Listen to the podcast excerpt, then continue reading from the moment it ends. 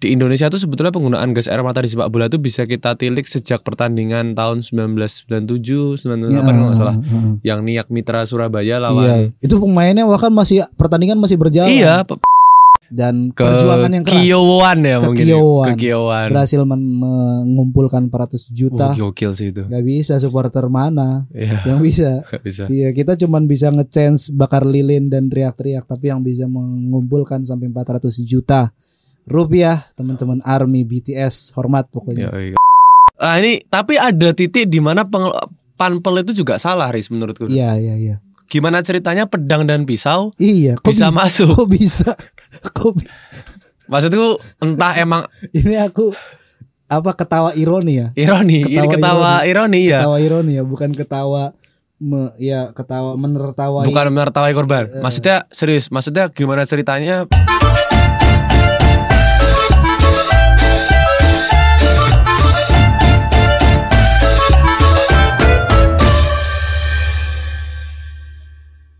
Selamat datang di podcast Oragol. Karena sejatinya tidak ada keadilan yang bersumber dari polisi. Episode ke-69 barengan saya Ikhlas Alfarisi. Dan saya Rehan Majid. Selamat datang teman-teman di episode yang akan tayang pada hari Minggu ini ya. Yes. Eh, kita rekaman seperti biasa hari Kamis dan ini memasuki ya penghujung Kamis artinya kita memasuki eh, akhir pekan Yoi. satu pekan yang cukup melelahkan dan bukan cuma lelah fisik ya. Ya. aku sih berharapnya kerja tuh yang lelah fisik aja gitu, jangan mental gitu. Jangan yang lain-lain ya. Jangan yang lain-lain kalau lelah mental itu pengangguran lelah mental, pas sudah kerja lelah mental gitu. Tapi ya walaupun begitu tetap harus ya bersyukur lah ya. Kalau Yes. misalkan mau mendang-mending apa segala macam karena situasinya masih situasi berduka dan ini mungkin bakal dialami dan bakal relate banget sama mereka yang memang suka sama bola dan bagi mereka yang musiman gitu suka sama sepak bola ikut-ikutan apalagi bentar lagi Piala Dunia kayaknya nggak relate-relate amat apalagi kesedihan yang terjadi pekan-pekan ini Ya. eh udah berapa hari berarti ya? Sekitar udah lima hari berlalu dari tanggal 1 Oktober ya. Ya. Ketika tragedi eh, pembantaian Kanjuruhan ya betul terjadi dan sampai saat ini eh, tim penja- apa investigasi pencari fakta yang dipimpin oleh Mahfud MD masih dalam kerja-kerja mencari fakta. Raker dulu kah mereka Kayaknya musyawarah dulu sih, seminggu musyawarahnya. Terus Ya. minggu ya Ya karena emang salah satu keahlian dari eh, para birokrat kita adalah mengulur-ngulur waktu gitu ya. Jadi Ya, kalau ya, para pemain timnas butuh eh, treatment mengulur-ngulur waktu untuk memenangkan sesuatu, coba berguru kepada para pejabat kita itu paling pintar mengulur-ngulur waktu gitu. Karena memang itu dijelaskan sebagai salah satu cara meredakan konflik ya, mer- Hmm. eh, mengulur-ngulur waktu. Tapi Iya, iya, iya, iya. Eh, minggu ini cukup eh, nano-nano buatku pribadi karena setelah tanggal 1, tanggal 2 eh, disuguhkan berbagai macam eh, footage, berita dan eh, cerita-cerita mengenai Kanjuruhan. Kemarin ada satu momen yang mungkin bersejarah di dunia sepak bola terkhusus di daerah DIY dan Ya, ya, Jawa ya. Tengah. Eh, ada puluhan ribu supporter yang kemarin berkumpul di Stadion Mandala Krida Mm, Eh, tujuannya bukan eh, lain yaitu mendoakan eh, para korban dan bersolidaritas terhadap Aremania.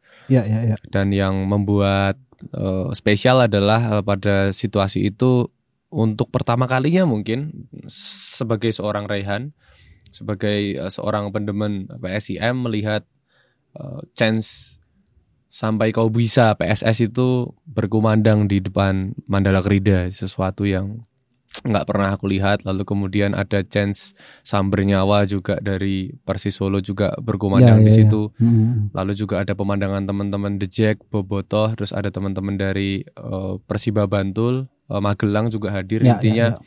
berbagai macam elemen supporter bersatu untuk eh, menjadi bagian mendoakan pertama Hmm. yang dan yang kedua mendorong justice atau keadilan buat korban di Kanjuruhan. Iya iya iya. Satu hal yang nggak aku kasih tahu ke Koehan, aku ada di sana semua. Serius? Nggak niat datang dari awal sampai akhir, cuman ya pulang kerja gitu Lewat. nggak nggak lewat. Aku kan WFH juga kan, Hmm. jadi pulang kerja rebahan, terus tiba-tiba bangkit. Oh aku pengen melihat peristiwa bersejarah ini gitu niatnya kayak kayak orang lewat gitu loh. Kayak orang lewat nyawang tapi golek tempat parkir. Akhirnya parkir. ya akhirnya akhirnya tuh nyari tempat parkir yang kira-kira jauh gitu. Karena saya kan lian gitu kan. Hmm. datang ke sana terus eh, pas-pasan itu udah malam dah. Udah acara juga udah mulai. Apa namanya masing-masing kelompok juga udah pada datang dan pas-pasannya lagi mereka lagi nge-change Oke. nge-change ini apa namanya? Nge-change Sleman apa Jogja Sleman Bantul kita saudara Oh, Oke. polisi janco dibunuh Iya. saja itu kata chance semalam Oke. gitu kan. ini bukan official Oragol yang bikin chance itu tapi ya peristiwa itu peristiwa bersejarah menurutku satu satu itu di tengah kota Mm.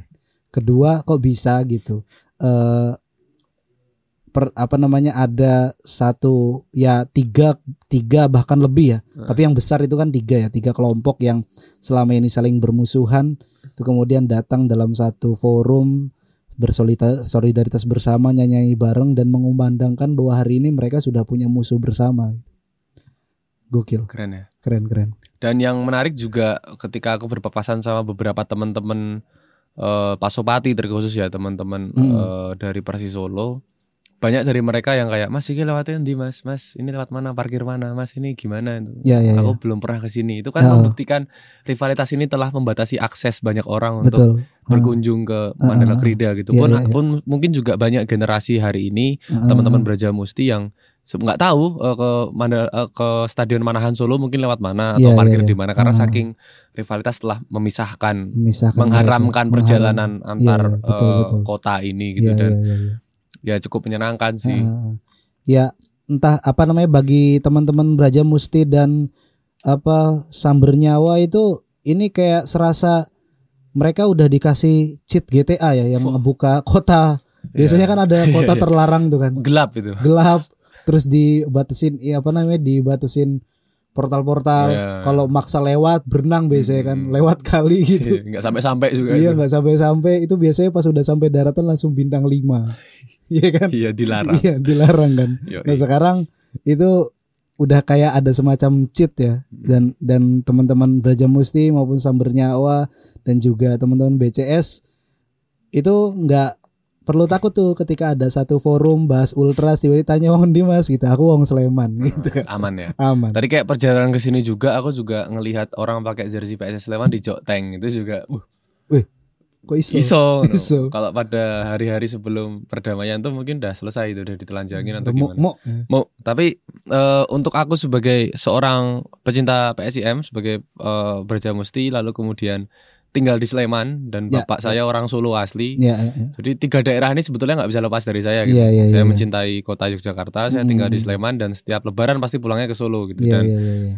Eh, ini memudahkan aku pribadi sih karena Hmm. ya dulu pernah situasi mudik gitu mampir ke angkringan dan ditanyain orang, "Wih Mas, wong Jogja toh." Oh, Dan kebetulan ada stiker eh, PSIM di Mas motorku Opati, iya, iya. dan ditanyain, "Wah, berja mesti tuh Mas." Oh iya Mas. Kok tekan gini Mas ngopo Mas? Aku mudik Mas. Jadi eh, ya akhirnya ini menyenangkan buat aku. waktu itu kamu udah ketar-ketir Pak Jikri Untungnya waktu itu ketar ketir ada tapi aku punya saudara yang Oh, tekan orang kene. Pas- Pasopati juga jadi Iya. langsung tak hubungi Mas tolong Mas ya aku ditakoni konco-koncomu Iya, Ya, sip. ya hari-hari itu sudah berlalu ya karena Those days Ya, are over ya sudah sudah Selesai. menjadi saudara dan mudah-mudahan ini ya tidak seperti yang dibilang sama orang-orang lian seperti aku ini wah gimmick nek udah selesai dukanya paling ya ada lagi gesekan-gesekan semoga tidak yes karena ya harus benar-benar disadari karena hari ini musuh bersamanya harusnya sudah Jelas ya. sudah jelas dan harus benar-benar dilawan dari sekarang. Entah piye caranya strateginya kayak apa. Wis pokoknya. Kita nah yang ofisial dari Oragol deh kita nggak mau menyebutkan juruhan itu. Tragedi di Kanjuruhan itu sebagai Kanjuruhan disaster ya. Ya.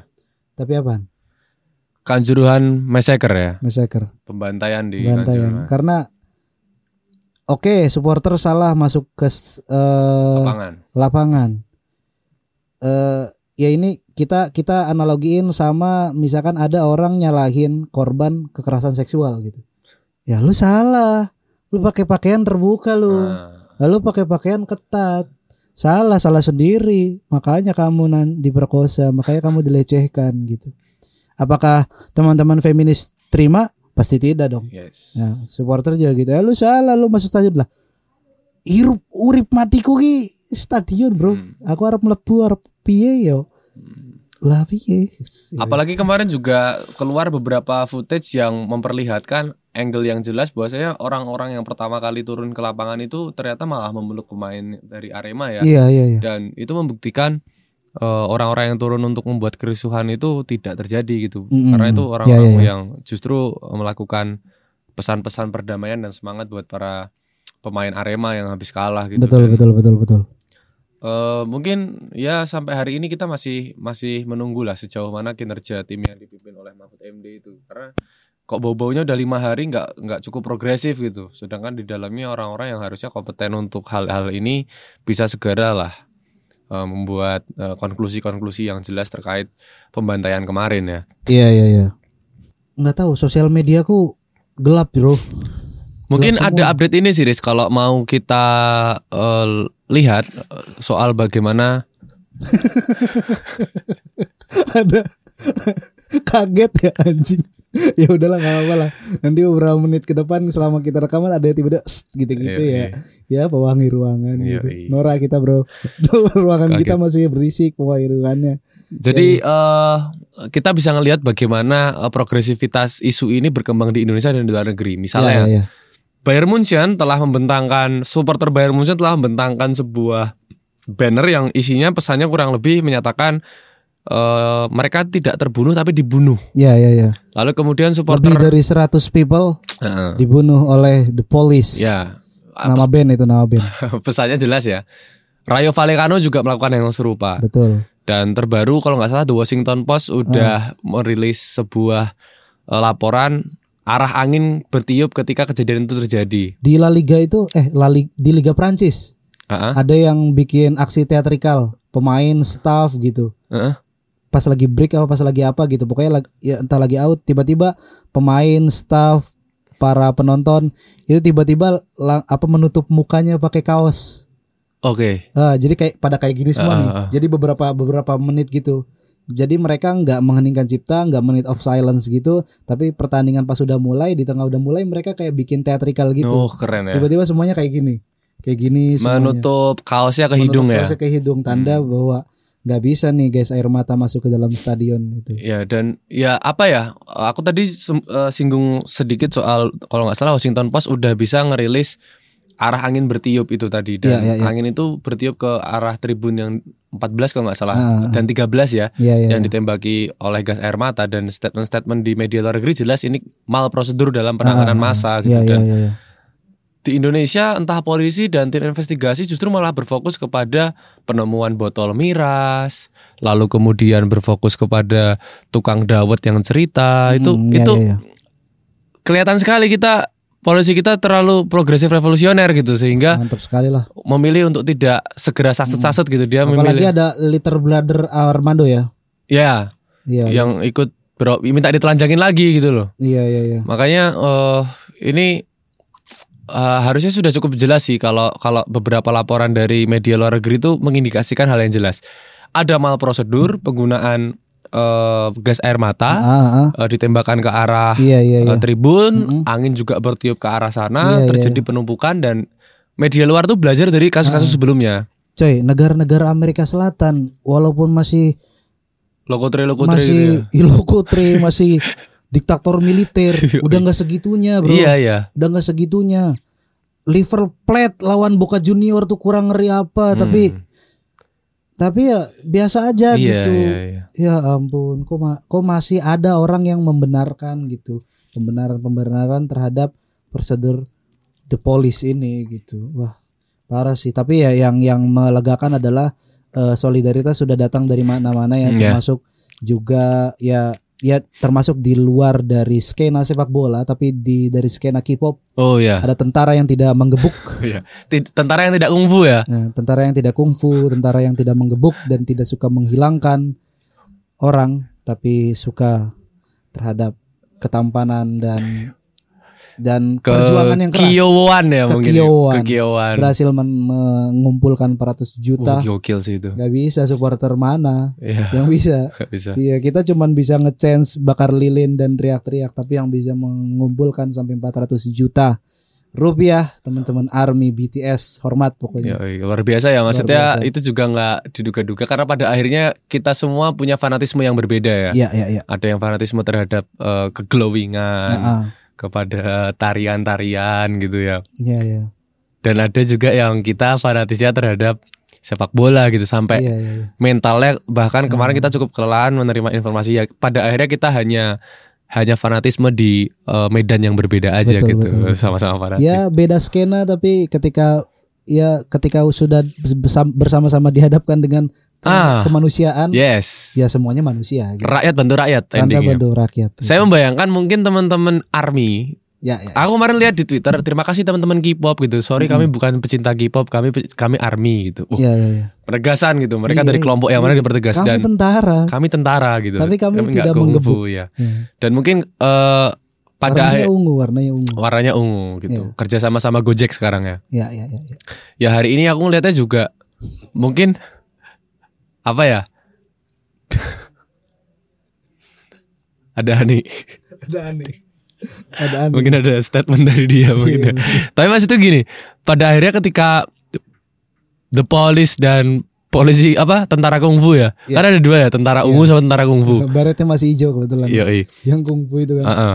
Itu eh, apa namanya? Ketika penanganan masa masih seperti ini kan akhirnya itu bis- bisa terjadi di semua lini gitu loh. Mm-mm. Konser K-pop misalnya, Iya. ya kan bisa aja kan Betul. ada polisi dan segala macam. Ah, ah, Aku bayangin ada satu army yang naik ke atas panggung Mm-mm. untuk meluk salah satu idolnya Ah, langsung di kungfu gitu kan. Misalkan army mana Army mana. Bojonegoro misalnya. Iya, misalkan terjadi keributan, entah entah apa ya. Kita kita kita what if aja, tapi nggak mendoakan ini terjadi Oh, iya, gitu nggak, kan, nggak, di konser. Kita juga pencinta musik, Yes. kita juga seneng nonton konser gitu kan.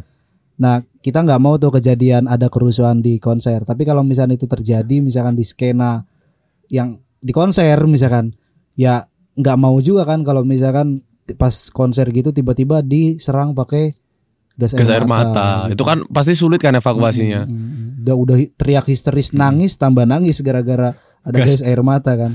Yoi. Wah, parah lah. Akhirnya kan perih ya matanya ya. perih. Nggak bisa ngelihat idolnya lagi. Iya. Nah, ini nih ngomongin gas air mata nih. Aku tuh pengen ya Allah. Nggak pernah ngerasain lu. Bener dah.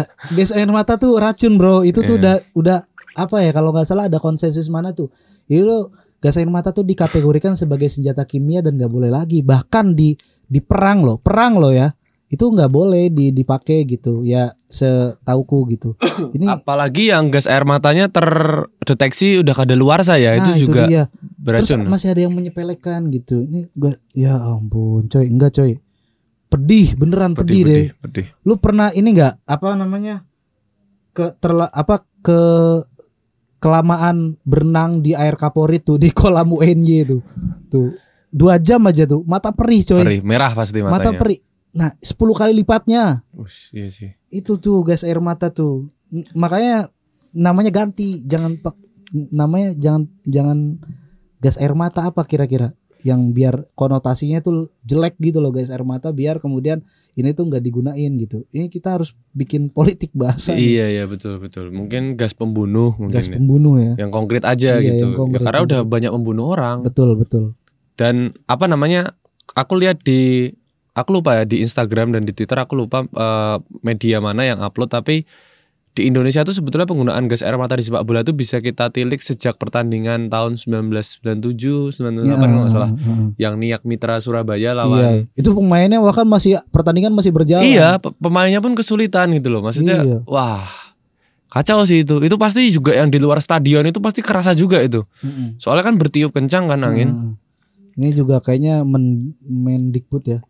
Heeh. ngeganti tuh kata, kata gas air mata di KBBI itu Oh, biar oke. biar ganti pakai konotasi yang lebih jelek Mm, iya. konotasi yang lebih jahat karena memang jelas-jelas jahat gitu jangan di apa sih haluskan dengan nama gas air mata seakan-akan ya Cuman gas keluar air mata doang. anjing yang keluar air mata tuh keluarganya menangisi si korban gas air Iya, mata iya. ini sudah meninggal gitu ya itulah pokoknya nah kita eh pada kesempatan kali ini.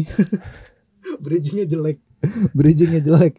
Ya ini episode 69 sebetulnya angka ini sangat bisa kita bikin keta apa bikin apa ya bahan bercandaan ya. Tapi karena emang suasananya duka ya udahlah kita langsung aja. Dan topik yang mau kita bahas juga adalah eh, lima kejadian eh, disaster yang ada di di sepak bola. Dan ternyata Indonesia bakal kita bacain menjadi salah satunya gitu. Suhan. Ya jadi tragedi pertama di dunia sepak bola jelas mungkin ini familiar buat The Cop dan eh, banyak pencinta sepak bola lain soal tragedi Hillsborough ya. Ya. Ya, jadi daftar insiden di dunia sepak bola urutan pertama ini adalah kejadian Hillsborough yang terjadi di Inggris tahun 1989 Mm-mm. yang mana saat itu tengah berlangsung sebuah pertandingan sepak bola antara Liverpool melawan Nottingham Forest di Hillsborough Stadium di Sheffield. Ya. Dan ketika salah satu perangkat pertandingan membuka gerbang, para supporter dengan antusias masuk pintu tersebut dan terjadilah desakan gitu. Saling berdesakan dan kurang lebih 3000 orang terjebak dalam insiden itu. Banyak yang di antaranya terinjak-injak hingga tumpah ke dalam stadion terjatuh-jatuh. Eh, ya mungkin eh, hampir seperti di gate 13 ya situasinya ya. Ah. Akibatnya 96 orang tewas karena insiden tersebut. Kejadian di Hillsborough ini adalah kejadian paling kelam di dunia sepak bola Inggris dan sampai sekarang masih dinyatakan yang terburuk dan jadi pembelajaran bagi tata kelola sepak bola di negeri Ratu Elizabeth tersebut. Negeri King Charles. Oh iya sekarang ya negeri King Charles ya. Jadi emang eh, mungkin nanti dalam daftar-daftar yang kita bacakan ke depan mayoritas semua pemicunya adalah gate ya, Gate. arus keluar masuk gitu. Betul, betul, betul. Eh, karena sering kali terjadi penumpukan dan penumpukan itu berdesakan dan kemudian ada yang terjatuh karena mungkin pingsan atau sudah lemas terus diinjak-injak. Mm-mm. Nah itu titik baliknya tuh eh, dari tragedi hanya desak-desakan sampai menyebabkan kematian adalah Benar. ketika terjadi hal seperti itu. Karena Benar, benar. apa ya? eh, apalagi ini nggak ada gas air mata ya. Mm-mm. Ini nggak ada gas air ada mata gas gitu. Air mata, cuma pure desek-desekan. Hmm, apalagi ada gas air mata gitu yang udah desek-desekan, gelap, matanya perih, susah. Ya. Dan wah itu itu cara mati terburuk sih buatku. Maksudnya Mm-mm. berdesak-desakan, terinjak-injak dalam keadaan paru-parumu seperti dipenuhi paku dan matamu nggak bisa ngeliat apa pun itu kan Iya benar. dan nggak bisa minta tolong sama siapa pun gitu kan Iya, karena iya, setiap iya. orang akhirnya memikirkan Iya, cara selamat iya, gitu. survival mode on. survival mode on udah Iya, iya. susah itu Ya ini tuh di- terjadi liver di Liverpool ya. di Sheffield Di eh, Sheffield. stadionnya di Sheffield Stadionnya di Sheffield dan ini banyak saucer ya saucer saucer ya yang jadi ini ini Korban. ini titik balik di mana orang-orang Liverpool itu punya semacam sentimen terhadap uh, asosiasi sepak bola Inggris dan juga pemerintah Inggris karena ya pasca kejadian ini orang-orang saucer yang kebanyakan menjadi korban itu terkesan tidak eh, tidak diberikan asuransi, diberikan tanggung jawab bahkan ya pada awal-awal kejadian itu terkesan itu tuh masih zamannya Margaret Thatcher nggak sih? Nah, Margaret Thatcher Margaret Thatcher ya, teacher lagi, guru dong dosen. Ya itu si Margaret Thatcher itu ya terkesan menyalahkan si yes pe- pen- apa namanya supporter supporter Ah, cuci tangan gitu, pejabat kok bisa gitu, nggak Ya. asing ya nggak asing. Mm-mm. cara yang berulang dan itu kan jadi headline di Sun ya di Ya, ya, ya. di majalah Sun jadi headline bahwasanya eh, hal ini terjadi karena kelalaian supporter ah, gitu dan ya. beberapa tahun berikutnya baru terbongkar bahwasanya emang ada malpraktek dari kepolisian yang menyebabkan kematian 96 Mm-mm, orang yang Iya. heeh. ya apakah kemudian kita kemudian mikirnya oh ya udah nggak apa nanti kita buktikan 20 tahun lagi nggak gitu juga maksudnya gitu kita udah juga, belajar dari gitu. banyak pengalaman Iya, kita iya. nggak perlu seperti itu kan maksudnya Iya, iya, itu iya. udah ada gambaran dan ya udah eh, Heeh, heeh. Oke, selanjutnya yang kedua ada ada tragedi Kathmandu di Nepal. hmm. Sama-sama negara yang masih berkembang sepak bolanya ya. Ini terjadi pada 1988. Mm-mm. Kayaknya nggak akan terjadi deh di hari ini mah di Nepal. Nepal udah maju kok.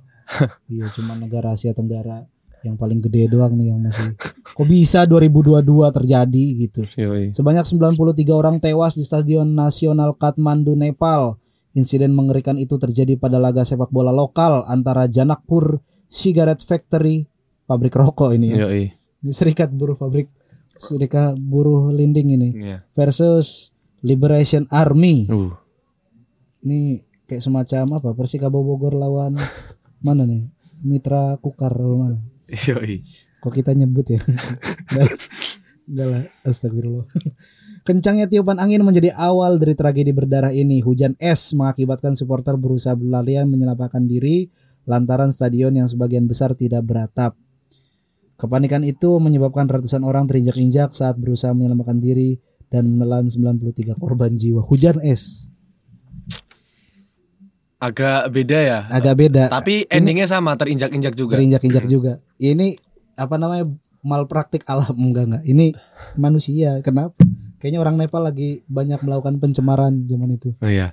Tapi maksudnya Kok itu nyalain orang Nepal. tapi itu jadi jadi jadi tinjauan juga maksudnya ternyata fasilitas dan keamanan stadion itu penting juga betul, gitu. betul, Karena eh, bahkan mungkin ke depan semua stadion harusnya tertutup semua tribunnya mungkin ya. Karena Mm-mm, misalnya iya, iya. kedingin apa misalnya kehujanan dan Ah, kedinginan jadi hipotermia kan juga Betul. bisa menyebabkan situasi betul, krisis ya. betul, betul. Ya, Jadi tapi mung- kalau udah ditutup jangan dilempar gas air mata dong. Uh, tambah susah itu Tambah ya. susah. Nggak keluar tuh. Wuh, mantap sekali itu pokoknya. Nah, lanjutlah ini. Ya, kemudian ada kejadian Mateo Flores National Stadium. Jadi tragedi ini terjadi di Stadion Nasional Mateo Flores di Guatemala, bukan Flores Nusa Tenggara Timur ya. Bukan, bukan. Jadi tragedi yang terjadi pada tahun 1996 di bulan Oktober ini menelan sebanyak 80 korban jiwa. Nah, penyebabnya sama, terdesak-desak juga dan Ya, ya, ya. ya itu eh, eh, seperti saya bilang tadi nanti ke depan pasti eh, kasus-kasus ini nggak jauh dari soal bagaimana rute keamanan stadion ya Ya, eh, evakuasi dan eh, akses keluar masuk yang kemudian jadi hal vital dalam eh, penanganan masa sepak bola gitu Hmm. karena kalau menyelenggarakan sepak bola puluhan ribu supporter itu kan bukan hal yang mengherankan ya. Mm, mm, mm. Ya, jadi gimana caranya untuk bisa mengakomodasi orang sebanyak itu? Ya, selanjutnya ada yang baru terjadi sebelum kejadian kanjuruhan ini nih. Ada Port Stadium Riot ya. Mm-mm. Eh, kerusuhan stadion Port Said Port Said nih ya, bukan Said berkata ya. Ya. Adalah serangan massal yang terjadi pada 1 Februari 2012 di Mesir eh, saat pertandingan Liga Sepak Bola Utama Mesir ya. Liga satunya Mesir ini antara Al Masri dan Al Ahli. Uh, Al Ahli nih keren. nih. Setidaknya 79 orang tewas dan lebih dari 1000 terluka. Setelah ribuan supporter Al Masri menyerbu lapangan menyusul kemenangan 3-1-nya eh, Al Masri. Pendukung Al Masri menyerang pendukung Al Ahli dan juga para pemain menggunakan pisau, pedang, eh, botol dan petasan sebagai senjata. Kalau ini emang tawuran antar supporter ya. Ya. Heeh. Kalau ini yang gila sih menurutku kayak ah ini tapi ada titik di mana panpel itu juga salah Riz menurutku. Iya iya iya. Gimana ceritanya pedang dan pisau Iya. Kok bisa bi- masuk? Kok bisa? Kok bi- Maksudku entah emang ini aku apa ketawa ironi ya? ironi, ini Ketawa ketawa ironi, ya. Ketawa ironi ya, bukan ketawa me- ya ketawa menertawai. Bukan menertawai korban. Eh. Maksudnya serius, maksudnya gimana ceritanya pedang dan pisau bisa masuk? Iya, iya. Indikasinya dua, emang aparat pengamannya yang lalai atau ada kong kali kong mungkin. Mungkin Heeh. aparatnya juga pro sama al waziah eh Al Wasi, Al Misri, Misri Al Masri sama Al Ahli. dan kemudian benci al ahli. Karena al ahli kan jadi salah satu klub tersukses di Afrika betul, ya. Betul betul. Beberapa Pasti kali banyak. juara Liga Champion juga ya. Yes, pasti banyak yang iri gitu. Hmm. Iya, iya, Tapi iya, wah kacau sih kalau iya, iya, iya. di Indonesia mungkin masih mending lah. Aku aku beberapa kali ke stadion korek aja diminta gitu. Wah, Iya. se- segininya Iya, gitu. korek diminta ya. Ya, korek, Tapi di sana kok pedang bisa masuk. Iya, gitu. iya. Jadi battlefield kan akhirnya. Bahkan pemainnya diserang loh maksudnya. Pakai pisau ya. Wah, anjing sih ini. Kayak gladiator gak sih? Iya. Di tengah-tengah harus tempur semua. Kuat-kuatan lah kalian gitu. Anjing. Sih. 2012 lagi terjadinya. Baru kemarin. Ya ampun.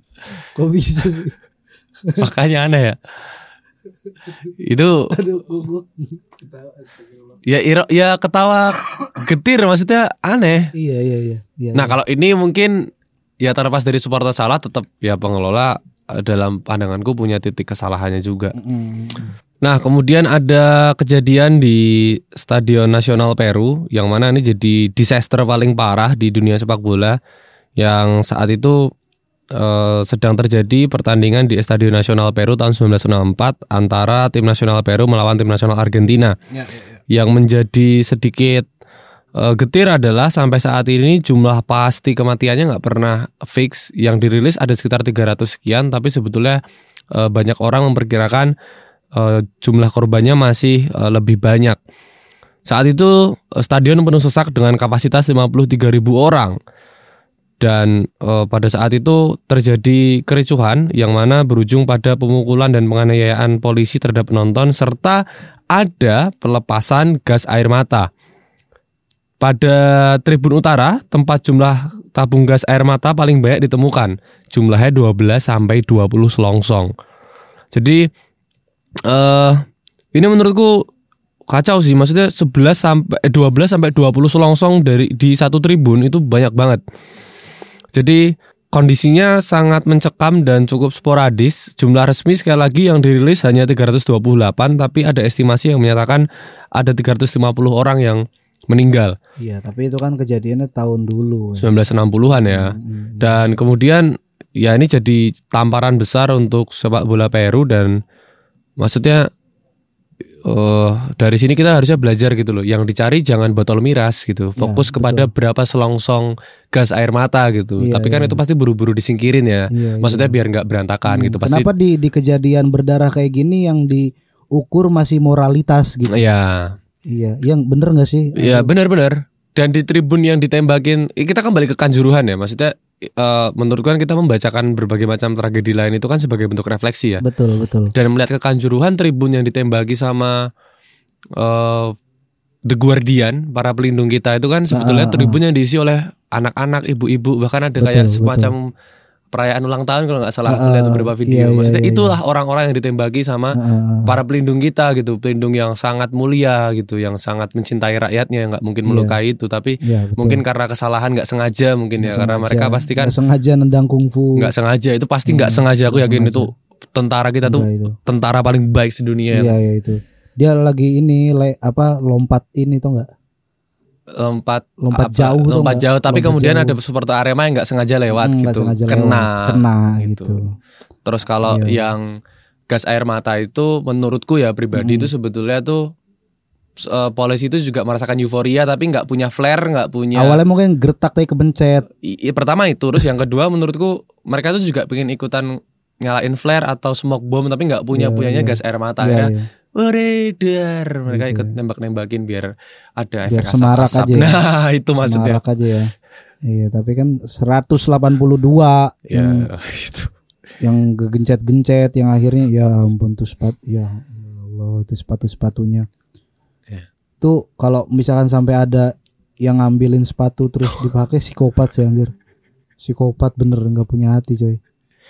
Iya itu. itu yang ambil shell-shellnya juga Iya. Iya gak sih Pakai dipakai lagi, dipakai buat nonton lagi. Wah, itu. Wah, anjing, anjing parah sih. Parah. branded branded nih katanya kan Iya, iya, iya. satu lah nggak ketahuan kayaknya Oke, itulah ya. eh, episode ke-69 ini kita pengen beneran bahas yang eh, santai-santai, ketawa-ketawa, tapi ya walaupun ke- tadi-tadi keceplosan ya, sebenarnya ya situasinya ini lagi duka gitu. Sebenarnya nggak pantas ketawa-ketawa kayak gitu, tapi banyak ironi yang membuat kita tuh pengen marah tuh udah susah udah gitu. capek marah Udah capek. Jadi akhirnya ketawa anjing anjing kok bisa dunia ini terjadi gitu. Oke gitu aja lah sampai jumpa di episode selanjutnya. bye bye